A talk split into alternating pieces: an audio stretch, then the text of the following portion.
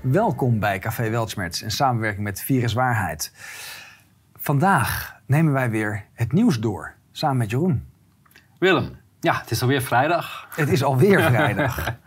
dus, uh, en we hebben weer zoveel... Uh, gekkigheid. Gekkigheid. Toneel, theater. Ja. Nou, laten we beginnen bij het uh, grootste theater, de politiek. Nou, eigenlijk is alles politiek. Hè? Dus ja. we, we, hebben eigenlijk maar één onderwerp en dat is politiek. Ehm, Haagse bronnen. Zorgpremie schiet volgende, volgend jaar, uh, komend jaar fix omhoog. Ja, dan zou je zeggen, ah, ze geven eindelijk toe dat er een enorme prikschade is. Of dat de lockdown heel erg schadelijk is geweest. Maar dit gaat natuurlijk eigenlijk om het afschalen van de zorg. Uh, het uh, omhoog drijven van de inflatie, het wanbestuur. Alles ehm, wordt duurder.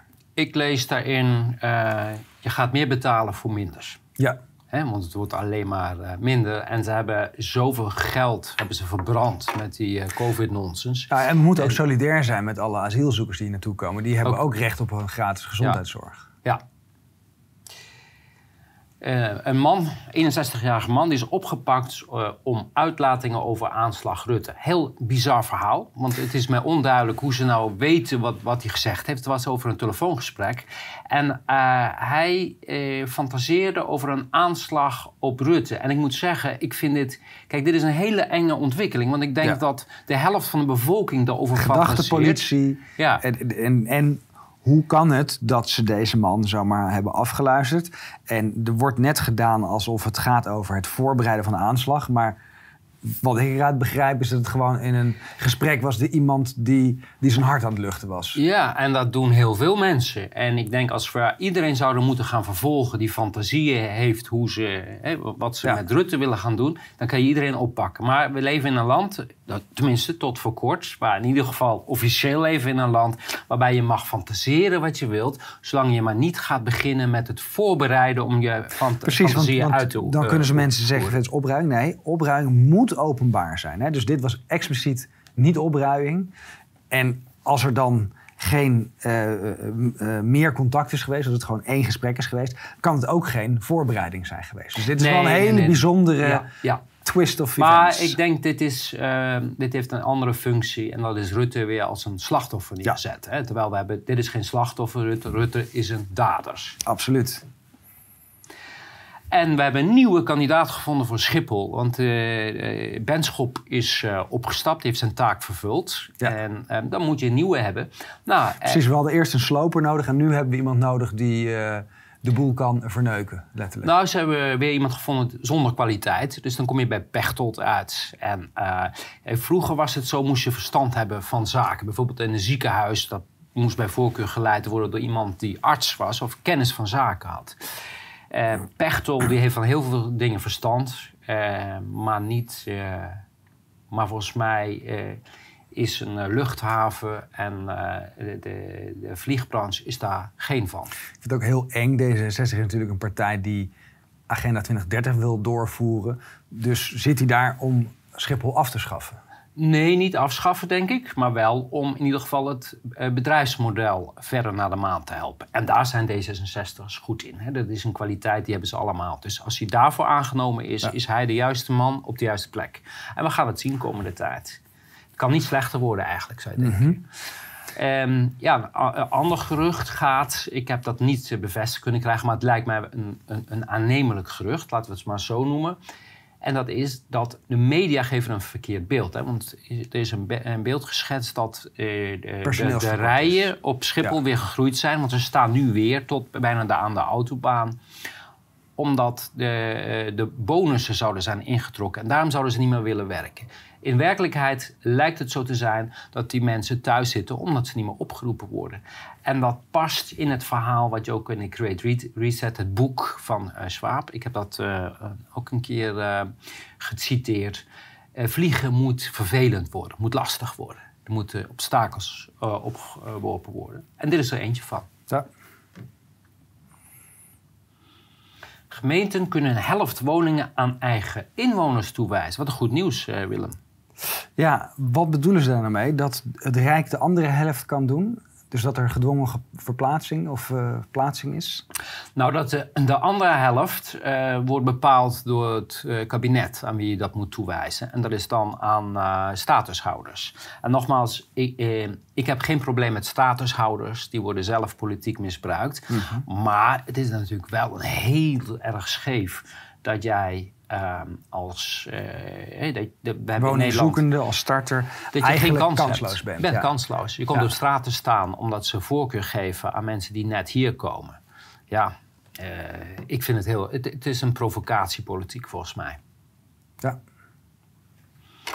En hier zie je dan hoe dat in zijn werk gaat. In, ja, dit is een brief aan de inwoners ja. hè, van Oost-Gelderen. En zij hebben het uh, over dat zij zijn verplicht, van, door het Rijk voorgeschreven, om uh, statushouders een woning te verschaffen. En dat is dan voor deze gemeente, volgens mij is dat een hele kleine gemeente. Zij moeten er 56, moeten zij onderdak gaan geven. En er zijn er nog 15.000 aan het wachten die allemaal statushouders zijn, allemaal een woning moeten hebben. En de gemeente wil de medewerking van de bewoners uh, om, dus, uh, om dat beschikbaar te stellen. Ja. Ja, dit is echt communisme. Ja. Een artikel over de middeninkomens, dat die moeten beknibbelen door hoge inflatie en we willen steun. Bij ons stijgen de kosten net zo hard. Ja, en er komen daar ook nog een paar andere slides die dat nog inzichtelijker maken het kabinet doet net alsof ze de onderkant uh, aan het stutten is door de minima te steunen. Maar wat er nu gebeurt met inflatie en energiekosten, het gaat niet alleen om die onderkant. Het gaat eigenlijk om alle onafhankelijke, alle MKB. Uh, alles staat onder zo'n grote druk dat als dit een paar maanden aanhoudt, de economie instort. Daar, daar is geen twijfel over mogelijk. Maar ik word een beetje geïrriteerd uh, over die discussie over steun en begrip. Mm -hmm. Ik zag ook Caroline alsof het... van de Plas in de Kamer. Ja, de mensen willen steun en begrip. Nee, de mensen willen geen steun en begrip. Mensen willen gewoon hun geld kunnen verdienen. En als jij uh, de bevolking uh, wil steunen, dan doe je dat door die belastingen op dit moment op de energie af te schaffen. Nou, dat is en, en geen geld weg te geven aan, ja. uh, maar dan komen we zo op, aan Oekraïne en wat is het, slaven, slavernijreparaties,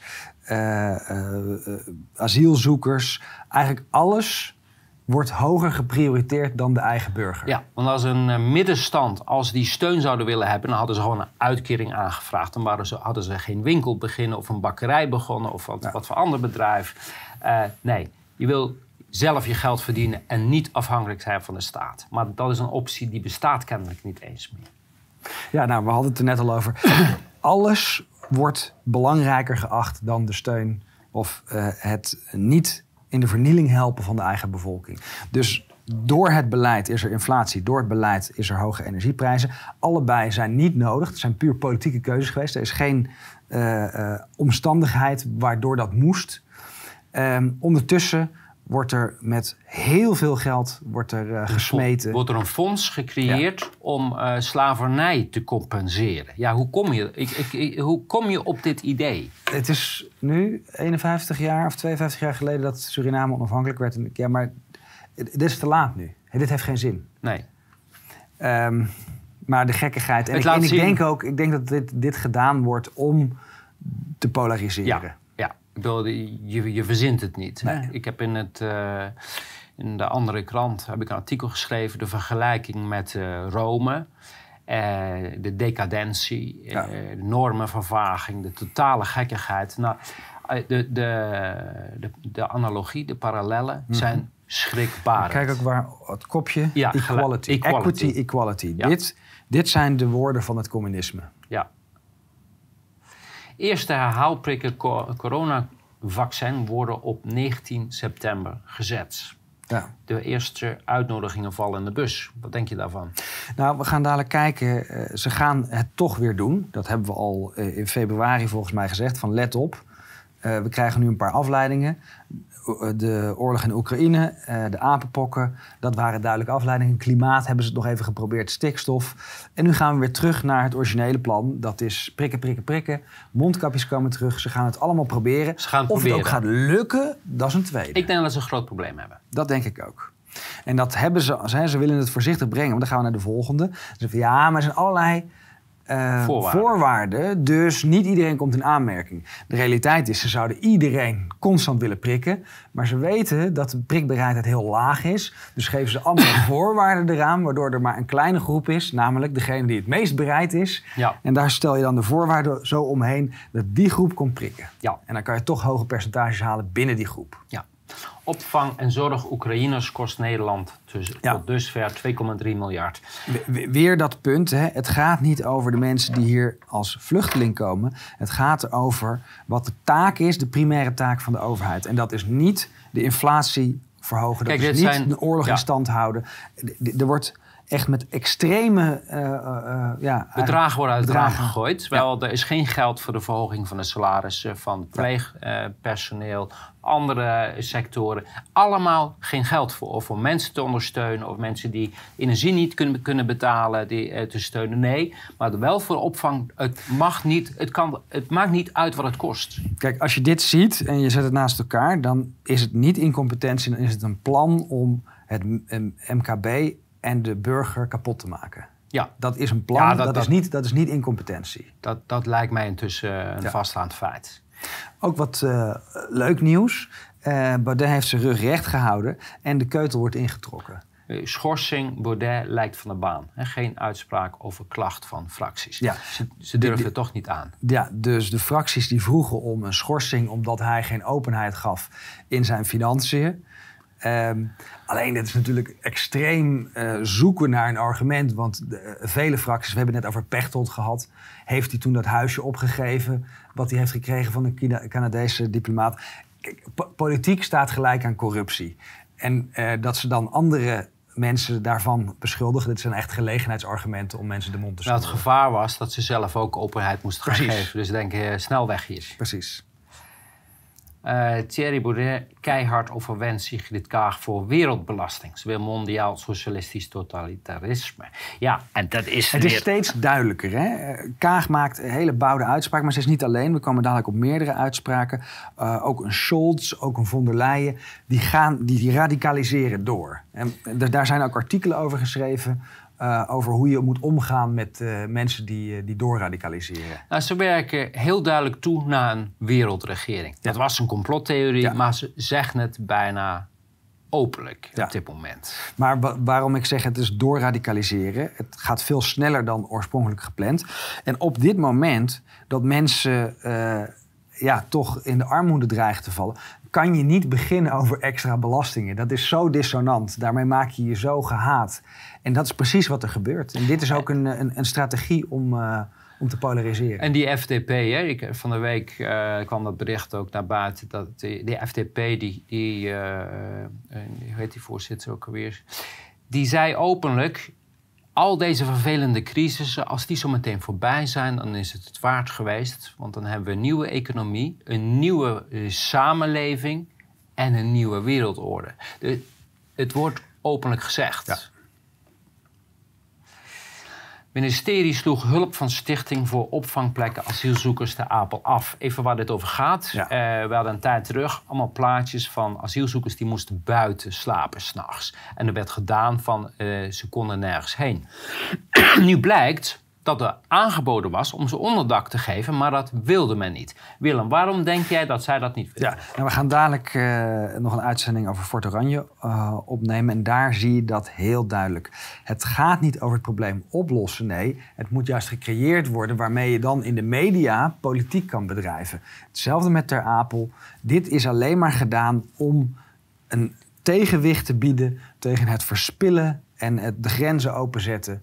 Eh, zodat je, hè, dat is hetzelfde als met die VVD'er die aftrad omdat het een, een te hardvochtig beleid was van, eh, van de VVD. Plaatjes. En dan kijk je weer naar eh, de coronacrisis. Hetzelfde. Het ging niet om oplossen, Nee, het ging om plaatjes. Je wil een noodsituatie Ja, neerzetten. of in ieder geval veinzen. Ja, neerzetten, dat bedoel ik ook. Ja. Hè. Je wil dus dat journalisten schrijven, verschrikkelijk. We zitten met een ramp. Want dan kan je als politicus zeggen, ja, je ziet het, hè. Kijk, die mensen in Ter. Apel, die die slapen op straat. Dus we moeten, eh, moeten drastische maatregelen nemen. Dat is een tactiek die zien we constant. En nu een ander probleem, er zijn geen stoeptegels meer en daardoor liggen straten open. Want de vraag is enorm naar bestrating. Ja, dat is iets nieuws. Hè. We hebben voorheen, voor de coronacrisis en voor dit, hadden we natuurlijk nooit bestrating nodig. Dat is pas iets van nu. Maar het kan ook zijn dat het komt omdat de uh, bakstenenfabrieken sluiten. Dat hebben we in België ook al gezien. Dus is dit een gevolg van het onbetaalbaar maken van energie? Ik heb nog nooit gehoord dat er in het verleden een tekort was aan uh, stoeptegels. Nog nooit. Dus ik denk dat de kans dat het daarmee samenhangt heel reëel is. Geen staatssteun voor getroffen Nederlandse bedrijven. Domino-effect. Ja. En, en, dit, is, dit is waar we het net ook al over hadden. Op het moment dat het MKB omvalt, want dat is de echte economie. Ja. Hè? Dus eh, dat er multinationals kunnen bestaan. Dat er een overheid is die allerlei functies uitoefent. Dat er een hele dienstensector is met banken, et cetera. Die bestaat niet echt zonder de reële economie. Ja. En als de reële economie omvalt, ja, dan komen we in een hele zware recessie die tientallen jaren duurt. Dan is er niks meer. Dan is er niks meer. Nee. En, maar deze mensen snappen dat niet. Hè? Want het, beleid wordt gemaakt door mensen die nog nooit een dag in hun leven iets echts gedaan hebben of gewerkt hebben. Men, men, verkoopt alleen maar gebakken lucht. Maar als jij uh, een bakker bent en je moet broden bakken. Uh, Deze elite die heeft een, een bepaald dédain. Die heeft een afschuw voor fysieke arbeid. Ja. Alles moet gemodelleerd worden. Alles moet via de computer en anders is het niks waard. Maar ze denken ook dat uh, je geen boeren nodig hebt om, uh, om eten te hebben. En zo is allemaal overbodig. Dus we gaan alleen nog maar uh, in een virtuele wereld leven. Allemaal een laptopje en hebben we niks meer nodig afschakelen niet beschermde bedrijven verwoest Nederlandse economie. En dat gaat erover dat men heeft een plan nu dat als er een gastekort is, dan heeft men een categorie van bedrijven gemaakt die prioriteit hebben en andere die vallen daarbuiten. En worden, die worden dan stilgelegd. Ja, en ook hier weer de hand van het communisme. Picking winners and losers. Ja. Dus alles, voedsel, geld, energie wordt allemaal ingezet op wat vindt de staat een prioriteit in plaats van wat zijn onze rechten en wat vinden wij een prioriteit. Nou, wat ik er ook in zie is hè, die, die middenstand die moet verwoest worden. Wat hou je over? Grote ketens van supermarkten. Dan snap je ook waarom Ahold diep in deze, uh, dit plan zit. Die doen mee, het zijn collaborateurs. Uh, die straks ook ter verantwoording geroepen moeten worden. Kijk, het is heel makkelijk straks om de voedsel te controleren als je alleen nog maar op dit soort plekken voedsel kan krijgen. In Duitsland hebben ze aangekondigd vanaf 1 oktober mogen zij militairen inzetten om uh, supermarkten, supermarkten te, beschermen. Waarom alleen supermarkten? Omdat die anderen gestopt zijn. Ze stoppen massaal de middenstand. Ja. En dan heb jij, moet jij een QR-code hebben moet jij een digitale identiteit hebben om überhaupt aan eten te kunnen kopen. En brood koop je niet meer bij de bakker, die koop je bij Albertijn. Maar dit soort bedrijven gaan later uh, op een dag nog spijt krijgen. Van oh, absoluut. Die moeten opgeknipt en onteigend worden. Ja.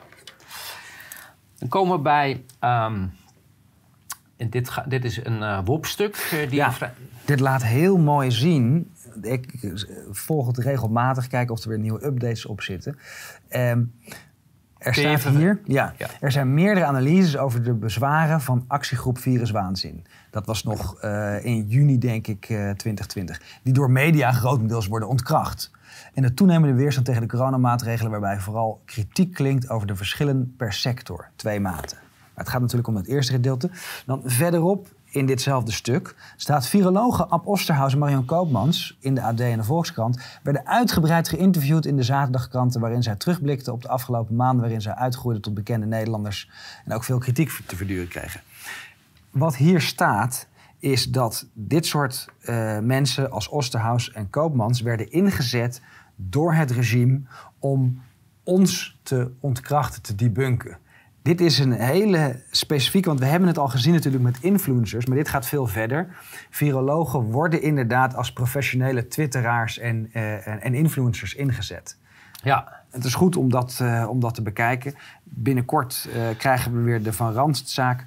Van Ranst is minimaal zo prominent door de media ingezet in Nederland en in België helemaal. Hè. Dus dit zijn opdrachten, dit zijn lakeien van het regime. Ja, en we hebben nog nooit inhoudelijk gehoord eh, dat onze beweringen. Eh, er is nog nooit inhoudelijk op ingegaan. Nee. Daar blijven ze bij weg. Het blijft... Dat vind ik ook niet heel gek, want hoeveel kennis hebben ze nu echt? Hè? Ze, ze worden op een, eh, op een schild gehesen. Maar als ik kijk naar wat ze zeggen, er zit niet zoveel in. Nee, maar je, je ondergraaft alleen maar door. Al, alles wat niet past bij jou is desinformatie. Dat is de aanval die ze gekozen hebben. Dan komen we bij de nieuwe categorie eh, energie. Die hebben we vorige week voor het eerst gedaan. En eh, dat wordt een, steeds groter eh, thema. Minister De Jonge noemt dwang onvermijdelijk bij huizen van het gas halen. En ik heb eh, toevallig een stukje gezien van die, eh, die, eh, die bijeenkomst, eh Tweede Kamerbijeenkomst, waarin hij de plannen, waarover de plannen gesproken werd. En met de zelf, vanzelfsprekendheid waarmee hij zegt: Ja, maar wij hebben toch ook toen destijds, zonder de mensen te vragen, gasleidingen aangelegd. Dus van hier is gas. Alsof dat hetzelfde is om te zeggen: Ja, we komen vandaag uw gasleiding weghalen. Hè, daar, ik, ik bedoel, je moet echt een psychopaat zijn om niet te zien dat dat twee totaal verschillende dingen zijn. Maar waar het op neerkomt is, eh, huiseigenaren worden onteigend door ze op schulden te jagen. Ja. Want dit is de eerste eis. Je mag een eh, warmtepomp gaan aanschaffen. Het tweede is eh, zonnecellen. Je moet huis isoleren. Het komt er eigenlijk op neer dat jij niet over je eigendom kan beschikken. En dat betekent dat jij hebt investeringen gedaan in een cv-ketel, noem maar op. En dan wordt gezegd, ja, die mag je niet meer gebruiken. Dat, dat, eh, we stoppen daarmee. Ga maar opnieuw eh, investeren. Ja, het is knettergek. En eh, de enige die daar kritisch was... ik ben geen fan van Eerdmans, maar hij maakte daar wel een paar opmerkingen. Dat ik denk, ja, eh, ben ik nou de enige die dit absurd vindt wat hier gebeurt? Maar als de jongen over dwang spreekt, dan spreken wij over recidive. Ja, natuurlijk. Daarom zit hij daar Ja. en moet de volgende klus klaren. En dan hebben we nog een, een, eh, ja, iemand die eh, eigenlijk eh, onder observatie gesteld moet Ja, absoluut. worden. Deze, deze Frans is Timmermans. helemaal de weg kwijt. Hij beweert nu dat de demonstratie tegen hoge energieprijzen werd aangestuurd door En Rusland. dan hebben we het over de demonstratie in Praag, de grootste sinds de onafhankelijkheid daar. Ehm, de- de- dat deze mensen zo in dat narratief zitten, je, je begint af en toe het gevoel te krijgen dat ze er zelf echt in geloven. Want natuurlijk liegen ze. Ja, want mensen gaan Die niet- mensen gaan de straat op omdat de energie onbetaalbaar wordt. Nee, nee, nee. Daar hebben ze Russen voor nodig om Precies. te zeggen... jij moet nu de straat op gaan, want Ja. jouw energie is acht keer zo hoog. Oh, Ja. oké. Nee, dat is, misschien is dat wel een reden. Nee, ik, eh, dit is zo absurd, maar het laat ook de... De connectie met de werkelijkheid is verloren. Ver- is verloren bij deze mensen, ja. Meer stroom toegestaan uit kolencentrales om gas te besparen. Ja, ik, ik probeer het nog te volgen. Ik, ik, ik- snap jij het nog helemaal? Want ik, ik, af en toe eh, ben ik even de weg kwijt. Nee, op is, eh, is onder en eh, links is rechts. Alles is omgekeerd. Want we, Het gaat helemaal nergens meer over. Dat hele ene, idee van klimaatverandering, climate change, climate action, Paris Climate Accords, dat gaat over één ding, dat is energietransitie. En dan komen we bij Zweeds nutsbedrijf Vattenfall. Die boekt 54% winststijging. De hele bevolking die, eh, ja, die gaat er allemaal door. Eh, die leidt zo meteen honger en heeft, zit in de kou. En ondertussen de leveranciers van de energie die boeken Ja. winsten. Nou, hebben we hier natuurlijk al een uitzending over gemaakt. Er is een initiatief van start gegaan. Ehm, en dat heet niet onze schuld.com of .nl, dacht ik. En eh, dat geeft een aantal eh, icoontjes die je kan plaatsen, maar ook voorbeeldbrieven. Hoe je in ieder geval voorlopig je rekening kunt opschorten. Want dit is afpersing. Wij kunnen niet zonder gas. Het is niet zomaar ergens anders in te kopen. En er wordt eh, onder valse redenen wordt het verhoogd. Ik sprak gisteren een, een militair die weer iemand had gesproken bij, eh, wat is budget energie volgens mij, waar ze tussen neus en lippen toegaven. Nee, nee, wij moeten zeggen dat het door Rusland komt. Ja, En daarmee gaven ze toe, het komt niet door nee, Rusland. nee, maar dat, is er nog iemand die dat dacht dat het door Rusland kwam? Het wordt nog steeds door timmermansjes eh, gezegd. Oké. Kabinet wil schulden overnemen van mensen die energie niet kunnen betalen. Ja. Nou ja, niemand kan betalen, dus dan nemen ze alle schulden over. Maar dat is weer vestzak, broekzak. Wat ik veel verontrustender vind, is schulden overnemen, niet schulden kwijtschelden. Want nu word ik dan, in plaats van aan de bank of het energiebedrijf, heb ik een schuld bij de overheid. En let op, hè, als jij eh, op, nu van 200 naar 1200 per maand gaat voor je gasrekening. Van die 1200 gaat 600 naar de staat aan belasting. Minimaal 600. En dan gaan zij die schuld, die vordering die zij dus op jou gekregen hebben, hè, die, die, die gaan zij dan nog een keer overnemen. En moet je je eens voorstellen wat een, een, een- hoe pervers dit is. Nee, het is echt totaal immoreel om dit nog mee te betalen. Het kabinet wil kredieten verstrekken aan energieleveranciers om arme mensen te helpen. Dus dit gaat twee kanten op. Hè? Dus de schulden worden overgenomen, oftewel je wordt eigendom van de staat. Maar ook de energieleveranciers zelf, die krijgen niet steun, die krijgen kredieten. Ja, ja, en ja, inderdaad. Maar ook om arme mensen te helpen. Maar hoe zijn die mensen arm geworden? Ja. Laten we daar eens even naar kijken. En een tweet van Paul eh, Buitink sprak net een eh, Human Resources Manager bij een zaadveredelaar. Grote reorganisatie, 40% van de klanten omgevallen. Allemaal door te hoge energiekosten. Kwekers die lange gascontracten hebben, die stoppen ook, want die verkopen de, hun energiecontract. Dat is wat ik ook al gezegd heb. Ja.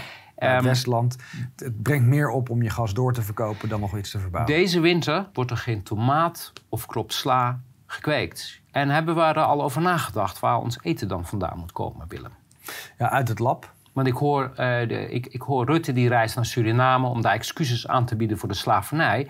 Maar ik hoor niet waar, wat wij nou moeten gaan eten in de winter. Ja, je moet wel je prioriteiten natuurlijk kennen. Ja. Hoge minimumloon en dure energiebedrijven bezorgd, eh, dure energie. Bedrijven bezorgd over lastenstijging. ja, en hier zie je dus ook weer hetzelfde. Bedrijven worden de schulden ingeduwd. Burgers worden de schulden ingeduwd. En dit wordt allemaal overgenomen door de staat. Dat, Ja. heet, dat heeft een naam. Hoe heet dat? eh? Communisme. Ja. Kijken we even naar de netto winst van grote olie- en gasbedrijven. En dan zie je dat eh, Eigenlijk alle energiebedrijven enorme winsten hebben gemaakt. Hè? Enorm. Tussen- Dit zijn de- Tussen de woekerwinsten. twee en de vier keer over de kop. Dit zijn woekerwinsten. En dit is dus al, dat hebben we in de uitzending van vorige week eh, uit de doeken gedaan. Eh, het is niet alleen onethisch, maar ook juridisch niet houdbaar. Je hoeft dit niet te betalen. het is een eerste levensbehoefte, energie. hè? Het is niet een luxe of zo. Ja, maar de, de, de overeenkomst met de energieleverancier is hiermee niet meer geldig. Nee, je kan hem vernietigen. Je kan een beroep doen op een vernietigingsgrond. Eh, maar nogmaals, verwijs naar de, je verwijst naar de brieven, standaardbrieven op onze website. En daar kan je in ieder geval voorlopig mee gaan traineren. Want wij, we moeten hier niet aan meedoen. Nee, en er zit nog iets anders bij. Het contract is natuurlijk voor de jaarafrekening. Je betaalt per jaar. Je bent lid per Ja. jaar eigenlijk. Eh, en dat is pas na verbruik, omdat het variabele kosten zijn. Los van de variabele prijs weet je ook niet precies hoeveel je gebruikt. Dus je, je voorschotten kan je sowieso eenzijdig naar beneden zetten. Het is een suggestie die een Ja. energiebedrijf doet. Daar heb je namelijk geen contract over afgesloten. Nee. Het contract geldt over wat je na een jaar hebt verbruikt, wat je moet betalen. Eh, dus eh, je kan dat gewoon naar beneden zetten. En nog eventjes om inzicht te geven. Consumenten en MKP, die betalen vooral de energieprijsverhoging. De rest blijft een beetje uit, eh, buiten schot. Dit geeft aan, dit is een oorlog tegen de onafhankelijkheid. Tegen consumenten en tegen Ja. het MKB. Ja. Die betalen 25 keer meer energiebelasting dan grootverbruikers. Ja. Gasprijzen dalen snel. Mogelijk deze winter op niveau van voor de oorlog. Europa heeft de puzzel opgelost. Ja, Ja, dit klinkt positief, maar wat ze bedoelen met de puzzel op, oplossen is eh, schepen met eh, liquid petrol gas uit eh, de Verenigde Staten. Tegen zeven keer de Tegen prijs. zeven keer de prijs importeren om de Russen ermee te raken. Nou, die liggen daar helemaal niet wakker van. Dus een beetje onzinnig weer natuurlijk. Maar het eerste is, de gasprijzen dalen snel. In combinatie met de zogenaamde overwinning in de Oekraïne, waar we daar nog over spreken. Het, het, het wordt een beetje... Waar we voor uit moeten kijken is dat mensen in slaap worden gesust. Van, oh, het, het komt wel drie, goed. drie maanden veel betalen, maar daarna het komt komt het wel weer goed. Het is een, eh, net doen alsof dan een probleem opgelost wordt. Ja. Maar let op, eh, de aantallen problemen zijn oneindig. Ja. Ze hebben er nog een hele hoop in een ton zitten. En iedere keer als een probleem... Als, eh, Ja, en dit, nogmaals, je onderhandelt niet met criminelen. Het levert niks op. nee. Komen bij propaganda en censuur. Daar zaten we al. Ja, dus allemaal, het is allemaal hetzelfde eigenlijk. Ja, dit was zo. Dit, en is, hier zie je ook het, dit is een tweet van Sander Schimmelpenninck. En die zegt... Alles buiten de Randstad begint massaal naar populistisch rechts te hangen. In Ter Apel of Albergen betekent opstaan tegen xenofobe meerderheid tegenwoordig sociale zelfmoord. Ja, we zien radicalisering. Wat, wat denk jij? Ja, we, kijk, dit soort uh, stadsmensen, uh, want hij zegt dan van een landgoed te komen, volgens mij woont hij daar op dit moment niet, uh, zijn totaal doorgeradicaliseerd en zien eigenlijk in alles wat afwijkt van de 2030-mening als extreem rechts en antisemitisch. Ja, hij had ook een, uh, een of andere tweet waarin hij zegt... ja, je moet gewoon columnist worden of uh, en bij de televisie gaan werken. Dan gaat het je goed en dan heb je nergens last van. Ja. Wie geloof jij? Maarten Keulemans of bioloog Theo Schetters? Dat, eh, dat was een, uh, op Twitter. Een, ja. ja, waar ik echt van schrok, is dat het toch nog 23% maar waarschijnlijk zijn dat troll-accounts. Want dit gaat dan over onderzoek. En daar heeft Keulemans nog nooit iets aan gedaan. Uh, hij, hij, schrijft verhaaltjes om uh, de farma-industrie en, de, en het regime buiten schot te houden. gelukkig, 76% heeft het verstand nog een beetje op orde. En die ziet heel duidelijk dat dit een ongelijke strijd is tussen een troll en een wetenschapper. En dan iets wat ik heel goed nieuws vond. er is nu een psychiatrische verklaring voor complotdenkers. Die zijn namelijk psychotisch een vergelijking tussen complottheorieën en paranoïde wanen. En je hebt zo'n overzicht van alle aandoeningen. Hoe heet dat ook alweer? De... DSM-5? Precies. Ik denk dat we daarin komen te staan. Alleen, ik maak me, één groot, ik maak me wel zorgen over onze ziektekostenpremie. Want de helft van het land moet zo'n beetje onder behandeling gesteld worden. Willem, wat denk jij daarvan? Ja, in het, helemaal in het begin hebben we al uh, uh, bij... Uh, Thomas, de arts uit, uit Zwitserland. Hè, die is toen met een antiterrorisme-team opgehaald. Heeft een week in een uh, geïsoleerd gezeten ter observatie, omdat ze dachten dat hij geestelijk Net als Bart Baner in Duitsland, de advocaat. Ja, ja, de Thomas Bender heb ik het over. Uh, dat was ook een proefballonnetje. Kijken hoe we dat kunnen doen. Als we nu zien hoe um, Max van den Berg bijvoorbeeld... Of de groep rond Joost Knevel... allemaal onderzoek aan hun broek krijgen... Uh, waar er wordt gestuurd naar uh, gevaarlijke radicalisatie. Hè? Geweld ja. en psychose, et cetera. Het is een hele duidelijke sturing. Dus ik vind het heel opvallend. Waarom hebben deze mensen hier aan meegeschreven? En uh, als we dit nou objectief toepassen... dan denk ik dat de complotdenkers juist aan de andere, in, kant, aan de andere kant zitten. Ja. Ja. Dus maar ik zie wel nog wel eens in hun eigen voet kunnen schieten. Ik zie wel een oplossing. We moeten straks kampen hebben... waar deze mensen massaal behandeld kunnen gaan worden. Wat denk je daarvan? Ja, Uh, UNESCO uh, die verklaart oorlog tegen uh, complottheorieën. Ja, en hier zie je dus, dit is niet iets Nederlands. Dit is wereldwijd, is er een richting gekozen van jongens, mensen die waarheid zoeken, die zijn een bedreiging voor onze mythe en onze ideologie. Dus daar hangen we complotdenkers aan, uh, geestelijk gestoord, radicaal rechts, het liefst nog een sausje van antisemitisme en dan ben je er. Dan kan je ze namelijk opsluiten zonder dat de maatschappij dat erg vindt. Nou, laten we het van een positieve kant bekijken. Uh, het lukt niet om de complottheorie de kop in te drukken. En dat is wat we eigenlijk zien. We zien ja. wanhoop. Het lukt niet. Absoluut. Er is geen rekening gehouden dat informatie zo snel zal verspreiden. Nou, als we het dan over informatie en complottheorieën hebben.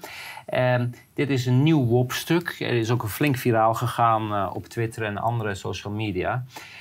Uh, wat blijkt, uh, dat uh, dit is 30 december 2020. Dat betekent dat net toen de, toen de EMA net die prikken voorwaardelijk toegelaten heeft. Ja. En dan is, is er een intern e-mail erin en daar staat...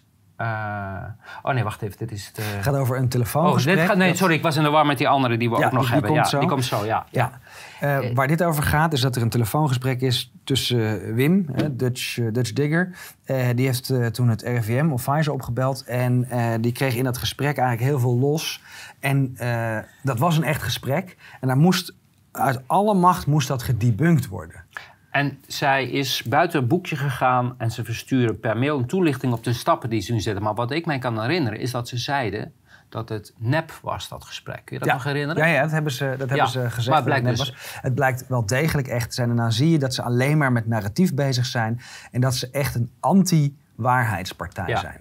Nou weet ik niet of we die andere eh, em, e-mail nou ook erin hadden, maar dat ging, wat ik, net vertelde, dat ging over dat ze wisten, Ja. dat was trouwens van 16 december volgens mij. Mhm. Eh, Nee, 21 december. Oh ja. Eh, toen werd er een, een waarschuwingsmail gestuurd eh, naar VWS vanuit het RIVM, als ik het eh, goed heb.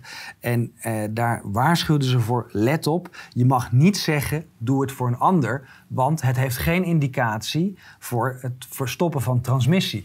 Een van de hoofdpunten van al onze procedures. Ja. En nu blijkt dat intern, want natuurlijk wisten we al dat het zo was, maar het blijkt ook intern besproken te zijn. En, en dit is waarom we alsmaar zeggen van deze mensen moeten voor een tribunaal. Maar die medewerker die dat schreef, die is inmiddels eh, verdwenen bij het RIVM, geloof ik. Hè?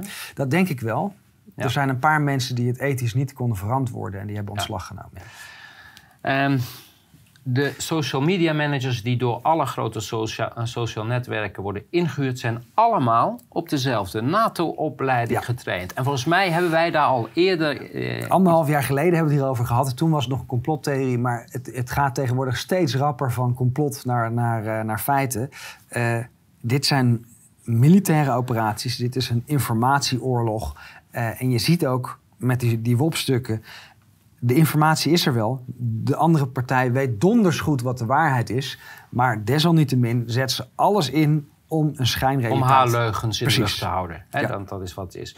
Komen we bij Lonneke Engel, een naamgenoot van jou. En daar heeft zij best wel last van. Want ze wordt Nou, ze lag al eerder, sta- stond ze op een zwarte lijst. Dus eh, daar komt binnenkort meer over uit. En ze heeft eh, het aan de stok met de Belastingdienst. Die heeft haar tien jaar lang geterroriseerd.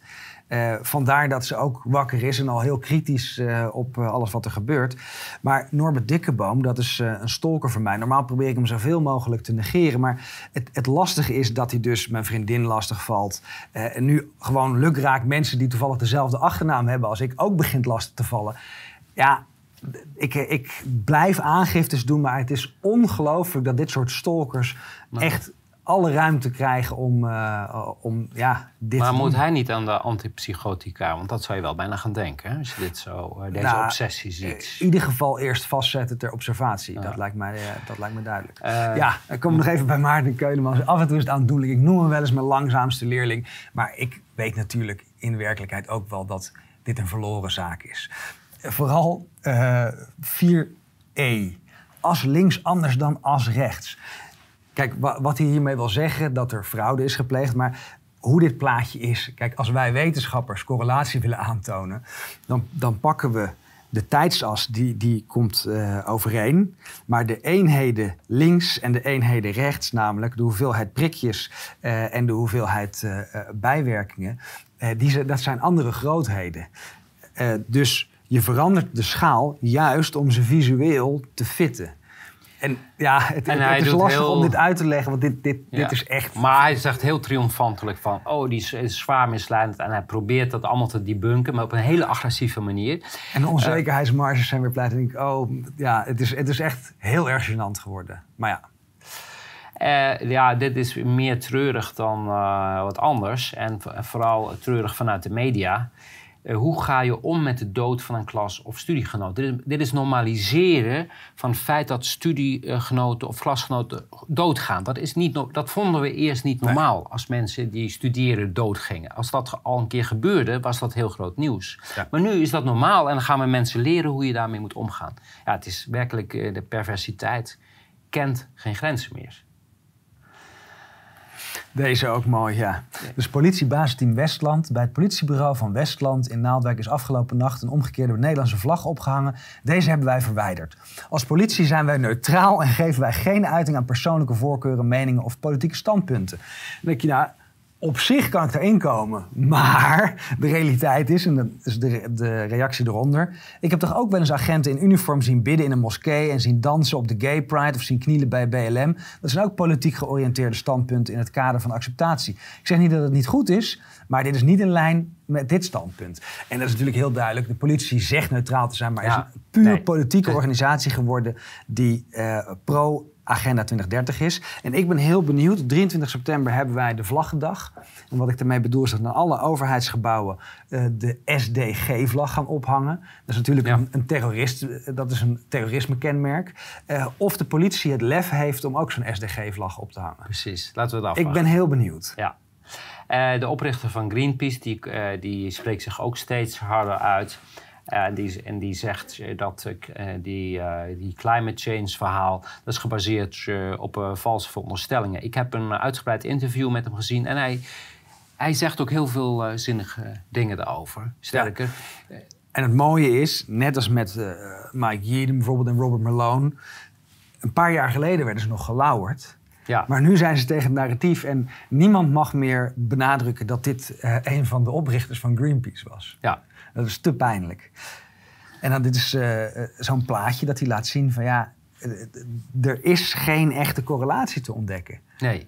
nee. Dus tussen CO2 en temperatuurstijging. maar er zijn heel veel wetenschappers hè, die dat Ja. ook bevestigen. Ja. Dus dat hele, Het is zo'n zwakke correlatie dat het ook weer het, een beetje hetzelfde als met gedrag. Namelijk, hè, die maatregelen leiden tot gedragsverandering. Om een ziekte te bestrijden, denk ik van ja, maar dat is zo'n kleine invloed. Je moet kijken naar aerosolen, naar immuniteit, allemaal van dat soort dingen. En hier hebben we hetzelfde. Maar- CO2, en dan kom je weer bij het, het, het punt waar we mee begonnen.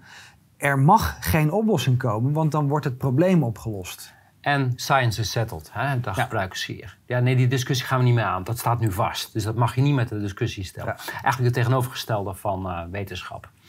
Russische troepen leiden tot roep om Poetins aftreden en tv-discussies. Hoe kan het dat eh, kennelijk er een hele eh, levendige democratie is in Rusland? Want als het even fout gaat, dan krijg je tv-discussies en eh, roep hem aftreden. En aan de andere kant noemen we hem dictator die de macht daar in handen heeft.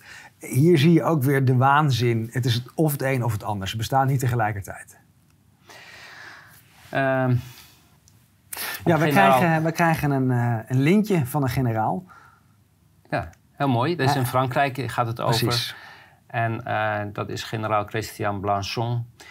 Die eh, hoe- eert de niet-gevaccineerden. Ja, dat we onze rug recht hebben gehouden. Ja, nou terecht.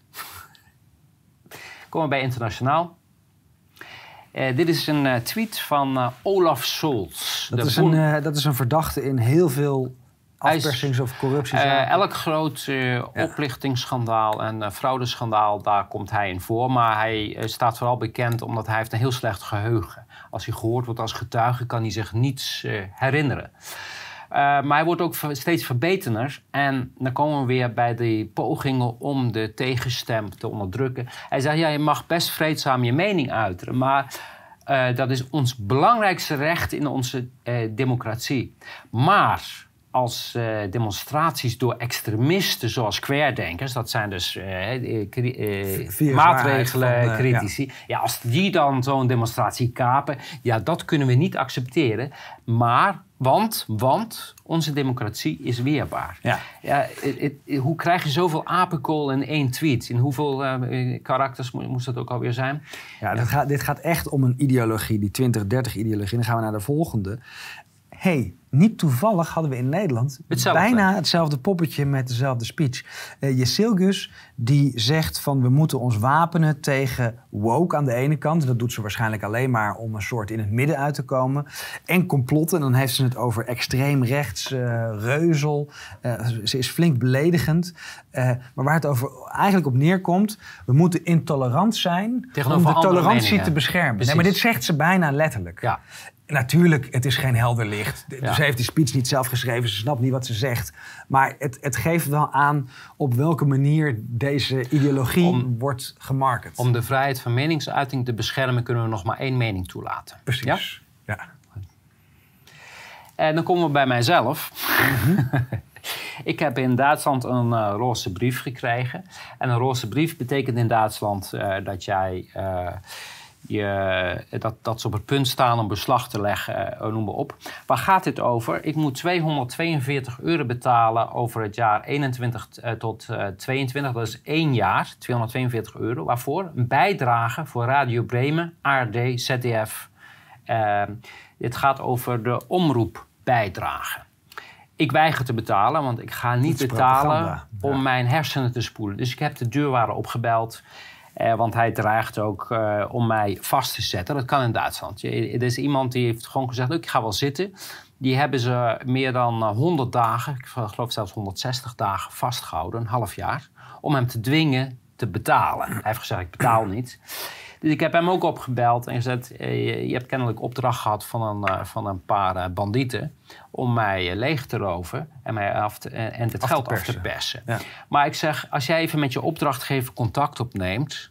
Uh, met hun contact opneemt. Laat ze een voorschot naar mij overmaken. Dan ben ik op zich wel bereid om een keer wat te bekijken van wat ze daar allemaal te vertellen hebben. Maar ik ga niet betalen voor leugens en propaganda. Dus we gaan kijken waar dit strandt, maar ik ga niet betalen in ieder geval. En ik ben niet de enige. In Duitsland wordt massaal niet meer, dat noemen ze de GEZ-bijdragen, worden niet meer betaald. Dus er komen steeds meer. Hey, we hebben gezien dat eh, de voorzitter van de ARD voor anderhalf miljoen haar appartementje heeft verbouwd boven in het gebouw. Ze leven als zonnekoningen van geld wat afgeperst wordt. Um, een bericht uh, gewoon in de mainstream. Was een ondersterfte in 2020 van 2,4 procent. Ja.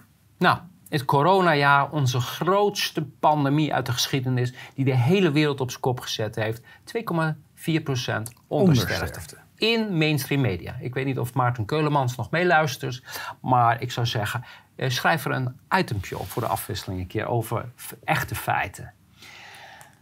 Eh, komen we weer bij energie. Eh, de diesel is uitverkocht in Oostenrijk een schokkende ontwikkeling. Want ik heb het al uh, van de vorige week ook gezegd. AdBlue er niet AdBlue meer is er niet meer. Uh, transport dreigt stil te zijn. Zij gaan de nekslag geven aan de economie. En dat doe je door geen diesel meer. Het is al raar dat de diesel duurder is dan benzine. Waarom? Alles draait op diesel, transport. Uh, noem maar op. Dus dit... Um, dan een, een, een, een, tweet van Nancy Faeser. Mm -hmm de oorlog in de Oekraïne die heeft enorme gevolgen voor ons. En de mensen die uh, zijn onzeker door de uh, stijgende prijzen en uh, energietekorten. En van nieuwe bedreigingen voor onze zekerheid. En daarom, daarom zijn we massief aan het investeren in de binnenlandse veiligheid. Nou, hoe doe je dat? Door alle polities uit te rusten met genoeg ammunitie om op demonstranten te kunnen schieten. Dat is wat zij hier zegt. En dat is ook wat er gebeurd is. Dus maak je borst maar nat. Uh, ja, dit is een uh, heel typerend. Uh, dit dit omschrijft in één plaatje wat er aan de hand is. En dan zitten we, we, zijn we gaan terug naar, de, naar het stenen tijdperk. En dan zit je aan het vuurtje straks en dan zeg je... nou, die Poetin die hebben we toch even laten zien wie hier de baas is... Hè, met onze sancties. Maar ondertussen heb je je hele economie, je hele land naar de afgrond, in de afgrond gestort. Over hypocrisie gesproken, uh, dit is ook weer zo'n voorzitter van een handwerksverband. Uh, zo'n uh, belangenorganisatie zoals, ja, wat hebben we in Nederland? Koninklijke Horeca Nederland. noem maar op, je kan er van alles bij bedenken. Die steunde op 1 en 1 juli hele, stond hij helemaal achter de sancties. Ja, we moeten Rusland pakken, we moeten ze op de knieën krijgen. En nu roept hij een, een brandbrief. Uh, de, de middenstand en de, de handarbeiders, uh, hoe noem je dat, uh, de mhm. vakmensen, die gaan er allemaal door. De hele branche wordt uitgeroeid. Ja, maar waarom steun je dan die sancties in eerst? Dat, dat is toch een, een gevolg, dat had je kunnen deze beroepsverenigingen, daar zitten politici in. Dit zijn corrupte lui die maar één taak hebben, is niet hun achterban vertegenwoordigen, maar hun achterban bedriegen. Ja, absoluut.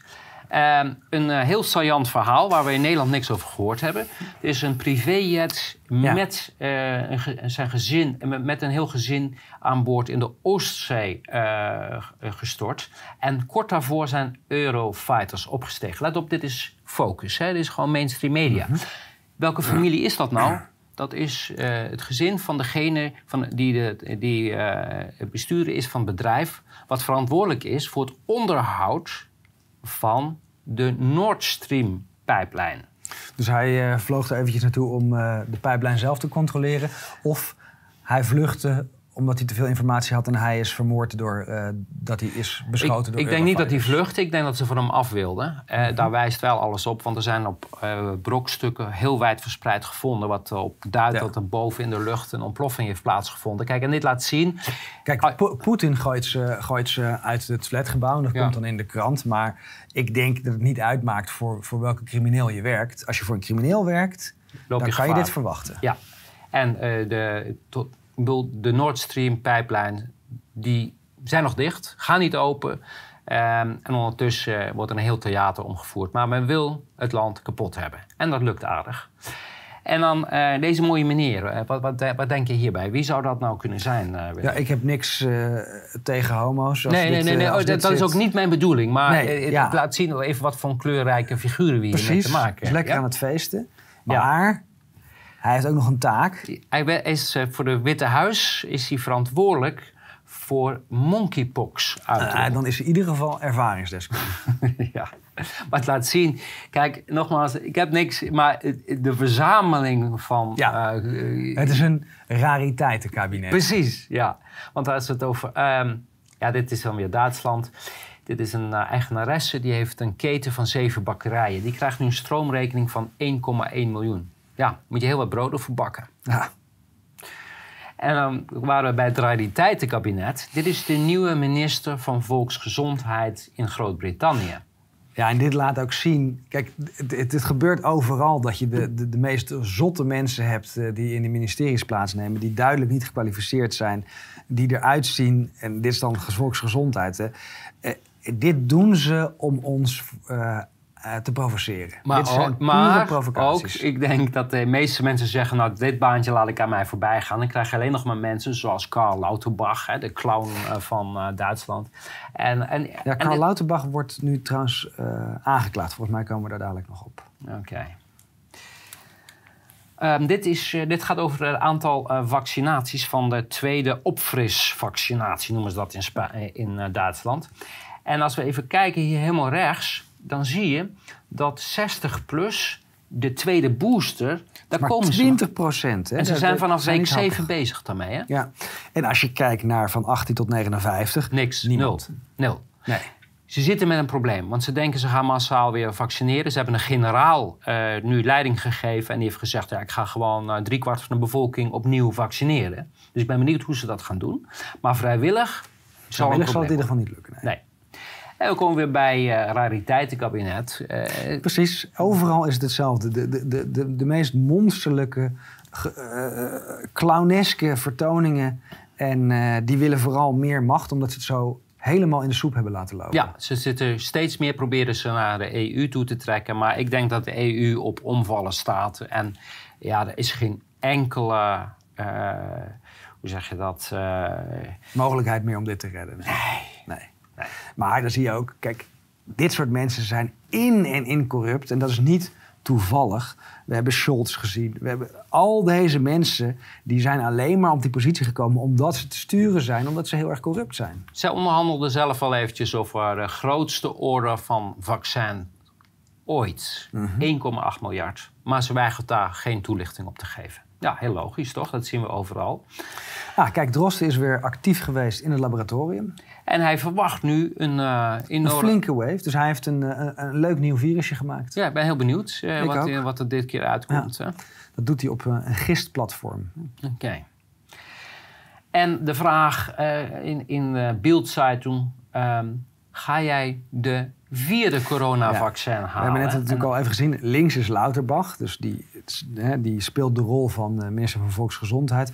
En rechts is professor Streek. En die is dus een viroloog. Dat is een echte wetenschapper. Uh, daar komen we zo nog meer over te spreken. Maar dat dit openlijk ter discussie wordt gesteld, dat komt omdat niemand er meer wil. En terwijl Duitsland de politiek zich opmaakt voor een heel palet aan nieuwe maatregelen. Ze hebben nieuwe wetten doorheen gejast die oneindige macht geeft. Maar we zien het tegenovergestelde gebeuren in de samenleving. Dit is een uh, pleegtehuizen. Die eisen nu dat ze. Want zij moesten nog steeds mondkapjes dragen. Ze moesten nog steeds vaccinatieplicht. Zij eisen nu dat de mondkapjesverplichting eraf gaat. en de vaccinatieplicht opgeheven wordt. Terwijl men juist nu weer opnieuw wil gaan beginnen. Dus het wordt heel spannend in Duitsland. En in Duitsland heb ik ook al uh, vernomen dat uh, verschillende deelstaten gaan niet meedoen met de nieuwe uh, infectionsschutzgesetz. En ook niet met de energieomslag. Dus de, de, de broeit het, het, het broeit, het kraakt en piept. Ja, deze uh, ik kan er wel om lachen. Het gaat eigenlijk over een heel uh, serieus onderwerp, namelijk de oorlogreparatie uh, die Polen eist van Duitsland. Ik denk ook hierbij zinloos. Dit is te lang geleden. Hier moet je niet meer mee bezig zijn. Maar dit gaat eigenlijk over het spelletje dat Polen die, die is bereid uit de Europese Unie te stappen en die gaat eventjes flink onderhandelen om over... een zak geld bij, mee te krijgen. Ja. En na vier jaar steun zijn de rijken van Brazilië klaar met president eh, Bolsonaro. De reden? Rampzalige economische resultaat. Ja, dit is weer onder, onder het kopje de speld, denk ik. Ja, het, het is heel bijzonder hoe, wat voor nieuws wij krijgen... wat regelmatig 180 graden omgedraaid is. De massa die eh, Bolsonaro ja. steunt is ongekend. Ik denk dat, eh, maar dit is nodig, omdat ze natuurlijk daar ook zwaar willen frauderen. Maar ik, ik twijfel of het, of het uh, lukt om op, die, uh, op dat niveau te kunnen. Ja. En uh, ja, brouwerijen hebben geen noem je koolstof? koolzuur meer. Koolzuur, ja. ja. want er is een gastekort en kennelijk hebben ze gas nodig om dat te produceren. Dat betekent geen frisdrank meer in Duitsland. Ja. ja. En is weer goed voor een CO2. Ja. En Europa gaat in een diepe recessie komen en deindustrialisatie. Dat ja, is en dit is Forbes. Forbes. Ja. Precies. Dus, dus de complottheorieën zijn nu al overal doorgedrongen. Waarschijnlijk omdat het uh, berust op feiten. Wij gaan terug naar het stenen tijdperk. Wij gaan terug naar het stenen tijdperk, ja. En uh, Scott Ritter. Ja, uh, hele goede analyses maakt hij altijd. En hij zegt, hij verwacht in de winter een revolutie in Europa. Ja. En dat dingen omgedraaid gaan worden. Nou, dat... Ik hoop dat hij gelijk heeft. Ja, ik, eh, zoals het nu gaat, je, je, je ziet de protesten zijn enorm. Het wordt uit de media gehouden, maar dit... Uh, Ze zitten in zwaar weer. Ja, ja, dit is klaar. En radicaal rechts, Zweden, eh, democraten op koers naar eerste regering. Nou, ze, ze hebben gewonnen, hè? dus de, Anderson, de premier, die treedt af. Maar deze persoon zit ook bij het WEF. En dit is altijd het stuivertje wisselen. dan denk ik, ja, leuk. Ook in Groot-Brittannië wordt het ene voor het andere poppetje omgewisseld. In, in Oostenrijk hebben ze al, zijn ze al aan de derde toe. Maar we zullen echt tien lagen moeten pellen voordat we van de WEF af zijn. Ja, want dat in, in, in, in Hongarije hetzelfde. Die ja. extreemrechtse partij Jobbik, die is ook gekocht door de WEF en ja. door Soros. En dan gaan we naar deze. Dit zou wel eens positief Italië. kunnen zijn. En dat, dat, dat, zie ik vooral uit de reactie van Draghi... die nu met een wetje alle macht naar zich toe heeft getrokken... terwijl die al demissionair is. Dat doet me heel erg denken aan Rutte. Dat is het fail-safe plan. Als het niet meer lukt om te frauderen en de verkeerde partij wint... dan maak je er gewoon een echte dictatuur van. Ja. Uh, het is de stilte voor de storm. Ja, dit gaat over... Uh, uh, Verenigd Koninkrijk en uh, de Queen's Funeral. Uh, even een showtje. En na een week dan, uh, dan begint het uh, sociaal protest weer. Maar ik begreep dat ze die stilte, hè, want er was ook een stilte gepland, dat hebben ze maar overgeslagen. Ze waren bang dat dat gekaapt zou worden door protesten. En dat ja. dan mensen zouden uh, ontdekken hoe de mensen er echt over denken. Dat hebben we natuurlijk gezien met Dijsselbloem. Die werd burgemeester van Eindhoven deze week. En die werd flink uitgejouwd. En daar sprak de kranten weer schande van. van hè, hoe, hoe, kan het nou? We, we, we zetten hier een nieuwe dictator neer. Waarom juichen jullie niet? En uh, extra belasting op pizza's en ander uh, verwerkt uh, voedsel en nieuwe elektriciteitsheffingen. Aanbevolen door de Tax Commission, de Belastingcommissie. Ja, dit is dan uit Ierland. Ja, als je dit een paar jaar geleden had gepubliceerd, dan had de speld het waarschijnlijk direct gekopieerd. Biden. Ja, Cancer Moonshot. Ja, het is heel lastig om nog iets van zijn woordenbrei te maken. Ik zag deze week ook weer een filmpje dat hij zei dat hij al 720 jaar in de Senaat zat. Oké. Echt. Ja, nou, die, die, ik zou bijna geloven. Als die is totaal de weg kwijt. en wat hij hier nou mee, bedoelt, het gaat waarschijnlijk hierover. Kijk, zij beheren een, uh, een, een kankerfonds waar ze gewoon, dat is gewoon een witwasorganisatie, zoals alles met de Bidens. Dus ze geven alles misschien uit. Wel, misschien wel de corruptste familie van de Verenigde Staten. Ze geven alles uit aan salarissen en niks aan onderzoek. Ja. ja. En, En uh, de Verenigde Staten, de, de, de spoorwegmedewerkers, die gaan staken. Ja, waarom? Uh, zij krijgen geen loonsverhoging, maar uh, de spoorwegen maken wel recordwinsten. En hier zie je ook weer die oorlog tegen de burger. Komen we bij Agenda 2030. Ja, deze houden we heel kort, want eigenlijk zal als Agenda 2030, maar nog even om het in het geheugen te verversen. Building Climate Coalitions, dit is dat, dat rondje als je doorklikt op de website van het WEF, Sustainable Land Use, stikstof, uh, Social Cost uh, of Carbon, CO2-budget aan je bankrekening, uh, Investing in Climate Action, die energietransitie, de energieprijzen die zo hoog zijn, dat geld moet worden geïnvesteerd in sustainable uh, energie. Transitions to clean energy, hetzelfde. Paris Agreement, dan heb je het over de, de Climate Accords. Understanding climate risks, ja, dat is die angstpropaganda die constant gaat. Daar gaat het over. Dit is de werkelijkheid waarom wij in dit soort crisis. En climate coalitions, dat is weer die. Uh, dat hebben we gezien bij de, bij de vaccine coalitions, ja. CEPI, Gavi, Trust. Dit is eigenlijk is het fascisme wat ja, hier staat. Dit is fascisme. Uh, ja. ja. Corporate. En, en sommige mensen vinden dat moeilijk, want ik heb het ook al het woord communisme een paar keer laten vallen. Maar hetzelfde. Communisme en fascisme hebben dezelfde roots. En het is vooral via de filosofen Le Bon uh, en Sorel, twee Franse filosofen, uh, die aan de wieg hebben gestaan zowel voor het Stalinisme als voor het fascisme. En in Italië zijn ze hard bezig met het introduceren van uh, meelworm-snacks. en ja. Uh, um, ja, daar krijgen wij de komende tijd zal dat flink gepoest worden. Want er wordt heel zwaar geïnvesteerd door Gates in deze nieuwe, uh, wat we vroeger aan de kippen gaven, moeten ja. wij nu gaan eten, zeg maar. Dus we slaan een stapje over. Ja. Dat is ook logisch, want wij zijn het nieuwe vee. Ja, en de, de, ECB moet opgekochte staatsschuld omzetten in eeuwigdurende leningen. Ja, dit zijn van die fantasieverhalen. Kijk, als ik zo zou boekhouden, wat denk je, hoe lang zou ik het volhouden? Kijk, ik heb allemaal uh, dubieuze debiteuren. Hè, die kunnen hun schulden niet betalen. Wat ik ga doen, ik ga ze gewoon op een balans zetten. Uh, en ik hou ze op de balans. Hè? Want je bent eigenlijk verplicht, als, ja. je, als je weet dat die niet, niet betaald gaat worden, moet je gaan afschrijven. Maar als de ECB dat gaat doen, dan komt uit dat ze al jaren geleden failliet waren. Dus we laten het gewoon op de balans staan, waardeloze vorderingen. Dat is wat hier staat. Ja. Eeuwigdurende leningen. Ja.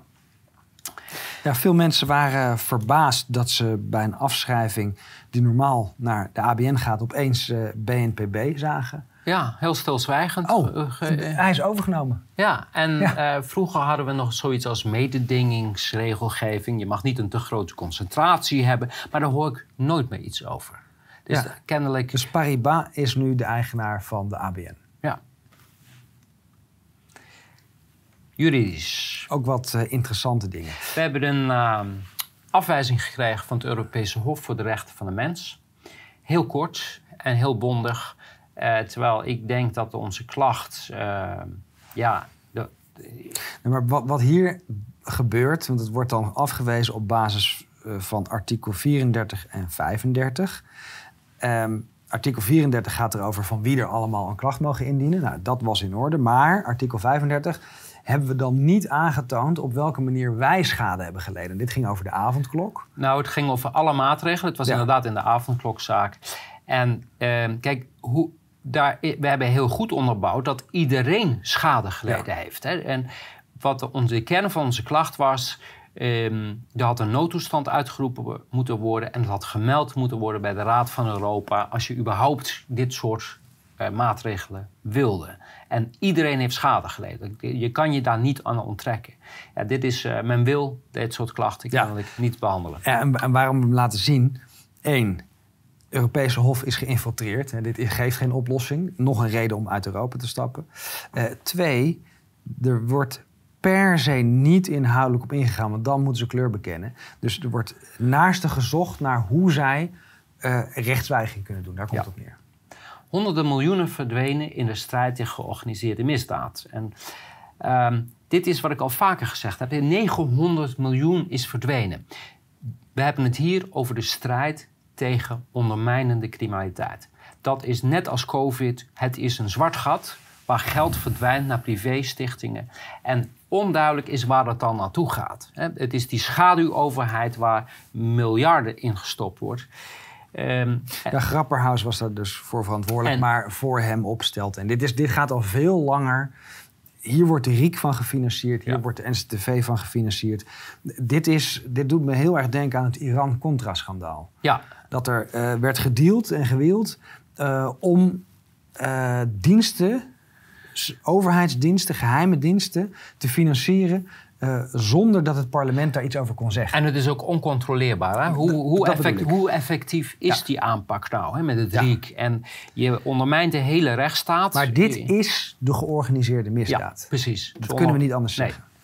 Discriminatie Belastingdienst bevestigt. Toeslagen ouders staan sterker. Door het eh, College voor de Rechten van de Mens hebben naar eigen onderzoek vastgesteld dat er inderdaad sprake was van discriminatie.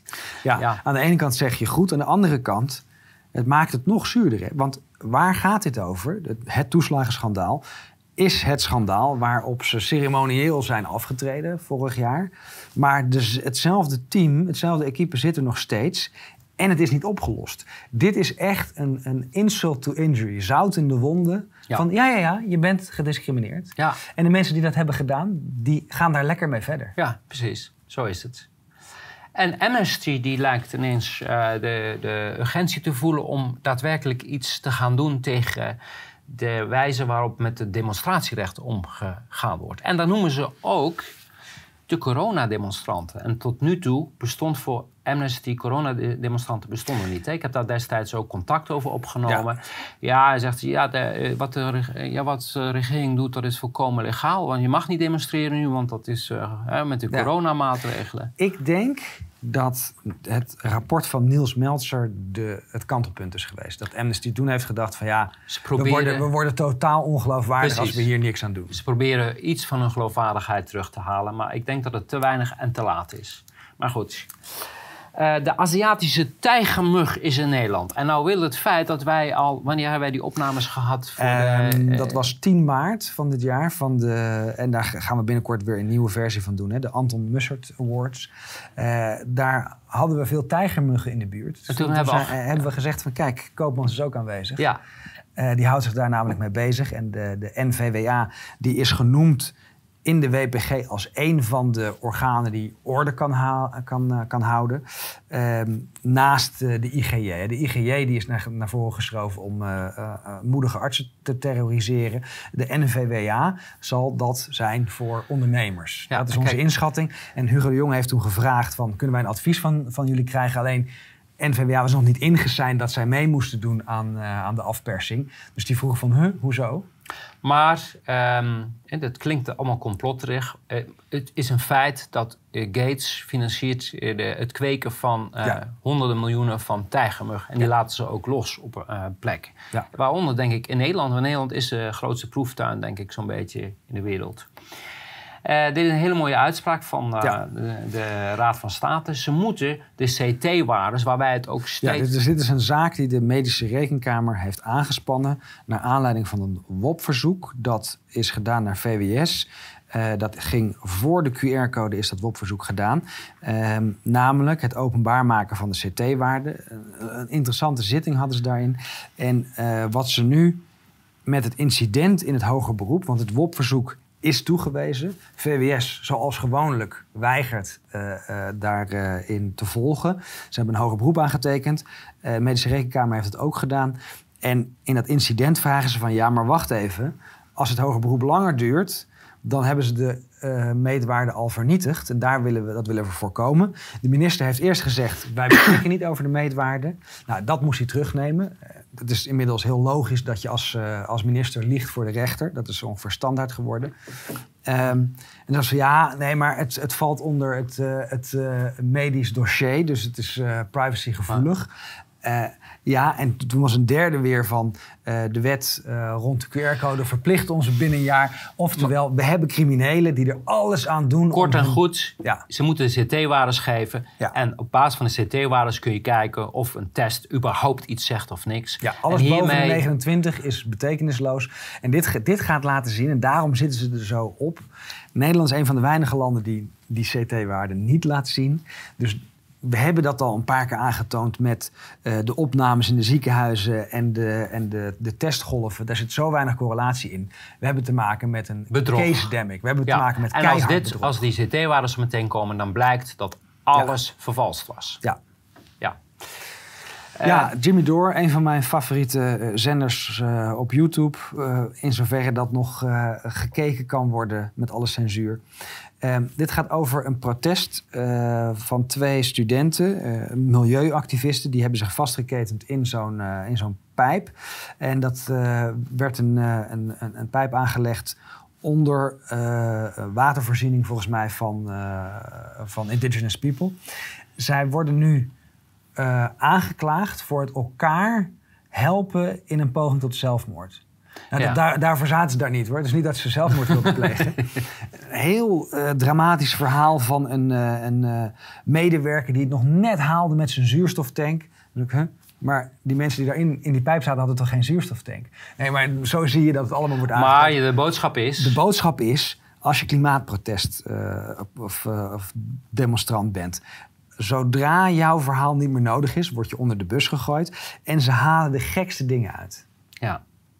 En eh, advocaat voor twee weken geschorst eh, noemde het Openbaar Ministerie criminele organisatie. Maar moet je moet je voorstellen, hè? als advocaat mag je dus de waarheid niet meer vertellen.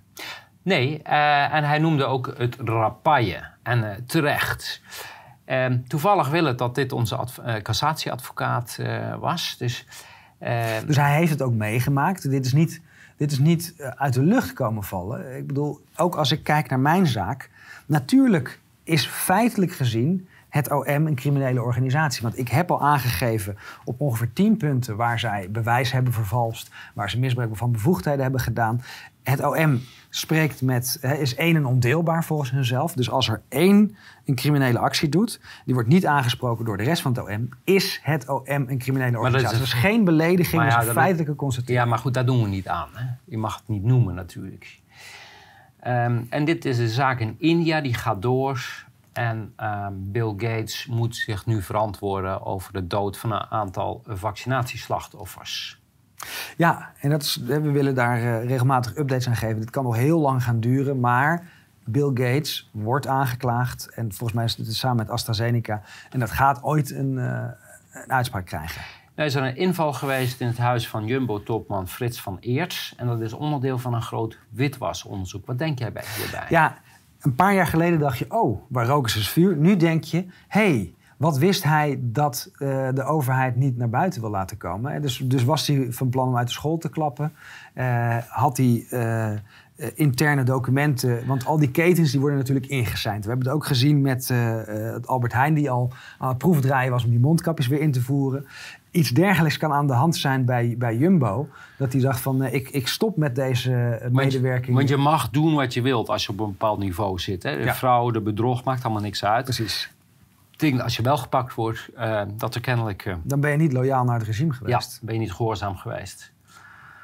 Ja, dit is hetzelfde. Dit, dit is, en dan wordt er waarschijnlijk niks gevonden. Want ik kan me nog goed herinneren, 2019, eh, 12 november, was er ook een hele grote Bij inval. Bij, jij was erbij, ik was Ja. erbij. Allemaal eh, in vier locaties volgens mij. Niks gevonden, niks te lastig gelegd. Enorme schade. Alle dossiers van Fort Oranje meegenomen. Zogenaamd ging het daar niet over. Nee. Ik heb de rechter nog aangeschreven. Die was inmiddels van de zaak gehaald. We hebben het hier over de georganiseerde Ja, misdaad. absoluut. En oh, dit gaat over Balweek. Hij is een eh, oprichter van Querdenken in Duitsland. Die zit al maandenlang vast voor eh, witwassen. eh, wat- Ja, voor, voor het leven van de donaties. Nou, dit is een van de redenen waarom we er zo scherp en zo strak altijd in zijn geweest. Wij doen het onbezoldigd om dit soort dingen te voorkomen. Want ik weet niet eens of, of wat hij heeft gedaan überhaupt dit- wel, wel schuldig of, of strafbaar is. Misschien niet, maar deze doen ze in de meat grinder. Maar- deze is kapot. Hier zit nog een ander laagje in. Ze gaan nu achter de donateurs Ja. aan. En dat was bij ons, in onze zaak, heeft het OM in Amsterdam... Otto van der Bijl, die officier van justitie, die zogenaamd vanuit de media eh, zelfstandig eh, de zaak begon. Wat natuurlijk totale onzin is. Dat is onderdeel van een coördinatie. Eh, het werd hem ook te heet onder de voeten. Daardoor naar, daar werd hebben een soort gezegd- excuusbrief gestuurd. Maar we hebben van tevoren gezegd van... hey, de vragen die hier worden gesteld... en volgens mij staat nu alles online... er wordt gevraagd naar medewerkers, mede-organisaties... eh, donateurs. vrijwilligers, donateurs. Eh, en toen hebben we gezegd, ja, maar waar komen deze vragen van? Nou, dit is een phishing expedition. We hebben geweigerd Ja. dat te geven. En we hebben ook gezegd, we gaan in geen geval de donateurs eh, vrijgeven. Ja. En Telegram, die blijkt dus eh, informatie verstrekt te hebben over gebruikers aan de Duitse autoriteiten. En dat is verraad door Telegram. Want dat is precies een belofte waarvan ze gezegd hebben, dat gaan wij nooit doen. In Zwitserland is dit ook al gebeurd. Eh, vandaar dat wij eh, met een paar andere groeperingen onze eigen chatservices zijn op gaan zetten op cloud servers. Dus helemaal weg bij dit soort bedrijven, want eh, uiteindelijk gaan ze door de knieën. Dat hebben we ook bij eh, DuckDuck eh, gezien. En cardiologen krijgen zonder toestemming miljoenen euro's van medische bedrijven. Ja, ik zie hierin, de, dat is de corruptie die tot in de haarvaten van de samenleving zijn doorgedrongen. En zeker in de medische wereld. Ja, maar dit, dit- hier zit een ander laagje. We hadden het net over die Jumbo-topman. Ehm, als mensen meedoen aan financiële misdrijven, kan je ze daarna sturen. Is dat hier hetzelfde? Wilden deze cardiologen eigenlijk iets vertellen? Ja. En dat lijkt mij... ja. En worden ze daarom aangepakt op hetgeen waarmee ze gestuurd werden? Dat, eh, dit lijkt mij de meest voor de hand liggende. Dat zij of een myocarditis of wat dan Precies. ook eh, wat wilde zeggen. Ehm, het is een boete van, eh, opgelegd door de politierechter in Amsterdam van 184 euro. Maar het gaat Ja, over... dit is een demonstrant die eh, ook nog eens eh, met een knuppel klappen heeft gehad. Omdat hij stond op het Museumplein 28 maart 2021. Eh, al die mensen, meer dan 300. Nou, er zijn wel tien regels van de Venice Commission geschonden. Eh, aangaande eh, massademonstraties. Die zijn niet op basis van de WOM vervolgd. Want dan zou het een overtreding zijn. Maar er is daar op illegale wijze natuurlijk, want dat hebben we ook wel laten zien eh, met Simone Kukenheim bijvoorbeeld, een noodbevel geuit. En dan is het niet meer via de WOM, maar eh, Artikel via- 184. via het strafrecht, artikel 184. En hier zie je de, de, eh, de, het sarcasme of, of het dédain Arti- van, van rechters. 184 Dus euro. Omdat je eh, artikel 184 hebt overtreden, krijg, krijg je 184 euro boete. En let op, dit is precies onder de grens, zodat je geen hoger beroep... Nee, volgens mij kan je wel een hoger beroep. De grens is bij 50 euro. Maar Oh, het, het, nee, nee, dat is verhoogd. Die- is verhoogd? Ja, ja, ja, dat is niet bij 50 euro meer. Nee, maar... eh, het, het, het geeft aan dat wij echt eh, met de nek worden aangekeken. Recht is niet voor ons. nee, komen we bij medisch. Ja, Pierre Corey hebben we natuurlijk ook al een keer in de uitzending gehad. Het, eh het iMask-protocol. Hij is een van de grote voorvechters geweest. Echt een expert op het IC-gebied. Net zoals dat Muculla is voor cardiologie. Deze artsen worden in de mainstream media verguisd. Maar hij heeft iets gevonden met de FOIA-request in Canada. Dat er net als in de Verenigde Staten, waar er 200 eh, eh, parlementsleden werden behandeld met ivermectine. eh, iets dergelijks is nu ook in Canada gevonden. Dat ze daar uitgebreid over hebben gedebatteerd over de werkzaamheid. Dus di- dit zijn ook enorme misdrijven die hier zijn Dat, gebeurd. dat, dat is in dezelfde lijn wat we net zagen met die, dat, die eh, injecties. Dat je daarvan niet mocht zeggen dat ze de verspreiding tegengaan. hè. Ja. Dat is van hetzelfde Precies. eh, orde en groot. Nou, de monkeypox die gaan weer hard naar beneden. Ja, het, is, eh, het zomerseizoen is over. Het griepseizoen begint weer, dus de monkeypox zijn niet meer nodig. We kunnen stoppen met testen. Ja, Daar komt het dat eigenlijk op neer. Dat was een afleiding. En heel, heel veel eh, jongeren eh, die sterven in recordgetallen. Ja. eh, niet aan COVID-19. Ja, want daar hè, liepen ze sowieso geen gevaar op. Ja, wat kan het toch zijn? Wat Ja, kan het toch zijn, joh? Climate change. Hè, Ja, tuinieren, Ja. koud douchen, warm Precies. douchen. En buschauffeur zakte ineen op voetpad vlak nadat kinderen waren uitgestapt en overlijdt in het ziekenhuis. Ja. Cadiz, doelman, die... eh, Ja, dit is één fan, maar uiteindelijk is er nog een fan onwel geworden. Eh, hij wordt natuurlijk als held neergezet en ik denk dat dat op zich terecht is. Maar hoe vaak maakte hij het vroeger mee dat er of spelers eh, dood neervielen of toeschouwers? Ja, het is, het is een ridiculiteit die genormaliseerd wordt. En een algemeen dagbladjournalist Gerrit Jan, 44 jaar plotseling overleden. Ja, kan gebeuren. En overal op de wereld Ja. is er oversterfte. Ja, en wat is er nou overal op de wereld gebeurd? Eh, cl- climate change, toch? Ja, ja. En ehm, wat is... Ja, dus dit is, dit is ehm, dat het adaptieve immuunsysteem eh, en het innate, dus het aangeboren en het aangeleerde immuunsysteem, ehm, die eh, worden aangepast door de eh, lipid nanoparticles met mRNA erin. Nou ja, dit wisten we al, maar dit is weer een, een Nog een artikel keer dat bevestiging. bevestigt. Nog een keer bevestiging, ja. En we gaan dadelijk nog in op de specifiekere. Maar het mooie is dat het echt begint door te sijpelen eh, in de oude media. Dit is de Welt. En die zegt wat, eh wij meerdere ook ons al zeiden. Die prikjes die zijn dus toegelaten, want goedgekeurd is het niet. Het is allemaal emergency Ja. use of conditional marketing authorization. Op basis van de testresultaten op acht muizen. Ja, maar die acht muizen hebben het wel een tijdje overleefd, hè, die spatie. Ja. En ik weet nog dat ook Maarten Keulemans daar heel agressief tekeer ging. Nee, dat klopt niet. Maar ja, het- dit is mainstream media. je kan Eh, tegenwoordig zeggen, als Maarten Keulemans zegt het klopt niet, is het waarschijnlijk waar. En vier op de vijf eh, coronapatiënten was volgens het RIVM gevaccineerd en ruim de helft kreeg eh, booster. Nou, dit laat zien hoe effectief deze prikken zijn. In die onderzoeken zie je eigenlijk dat de effectiviteit negatief is. hè. De kans Ja. dat je geïnfecteerd raakt als je een prik hebt genomen is veel groter. Eh, je hoort het ook om je heen. Mensen die een paar prikken hebben gehad... die om de haverklap Ziek zijn. Ja. En meer abortussen en minder geboortes in het tweede kwartaal Ja, 22. ook duidelijk climate change. Ja. En COVID-vaccins die vernietigen het natuurlijke immuniteit. Daar hadden we het net over. En Ja. dit is studie na studie. Ja.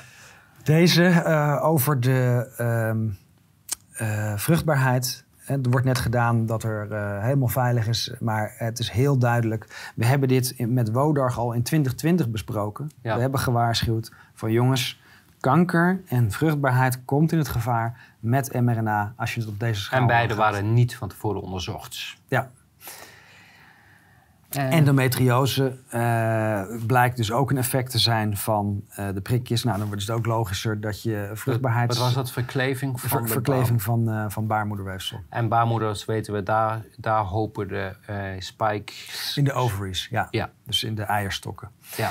Ehm, ja, en het, weet je, het is allemaal herhaling. Dus Eh, vaccins zijn 98 keer erger dan het virus. Eh, dit hebben wij tijdens de rechtszaak ook aangehaald. Dat volgens de officiële. En dan gaan we het over de officiële meldingen. Let op. Ja. Dit, dit gaat puur over officiële meldingen. Niet over dat. eh grijs, dat, dat eh, de zwarte. eh, zeg dat het, het.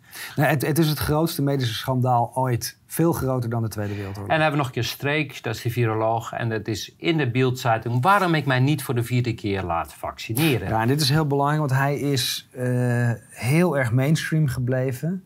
Heel voorzichtig altijd geformuleerd. Eh, maar als dit soort mensen eh, gaan aanraden om het niet te nemen, is er een groot probleem. Dat zeg ik in Duitsland, de media, het, steeds meer komt daar doorheen. Nou, dan zijn we bij het laatste item, eh, demonstraties.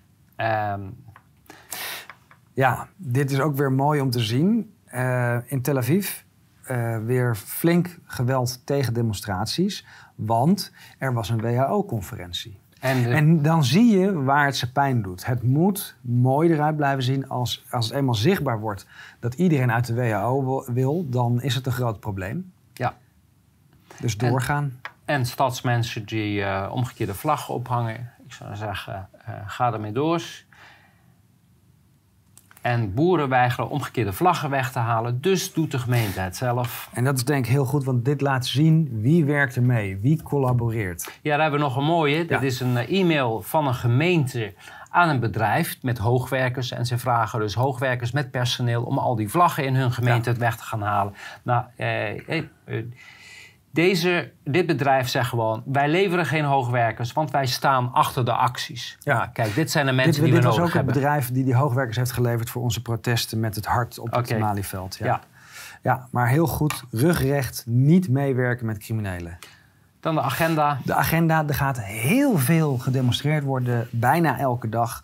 Eh, volgens mij is er morgen ook iets van de SP, die staat ook in een nieuwsbrief. En dat hoop ik dat mensen vanuit de SP-hoek gaan zien. Dat de wappies altijd al gelijk hadden, maar daar gaat het niet om.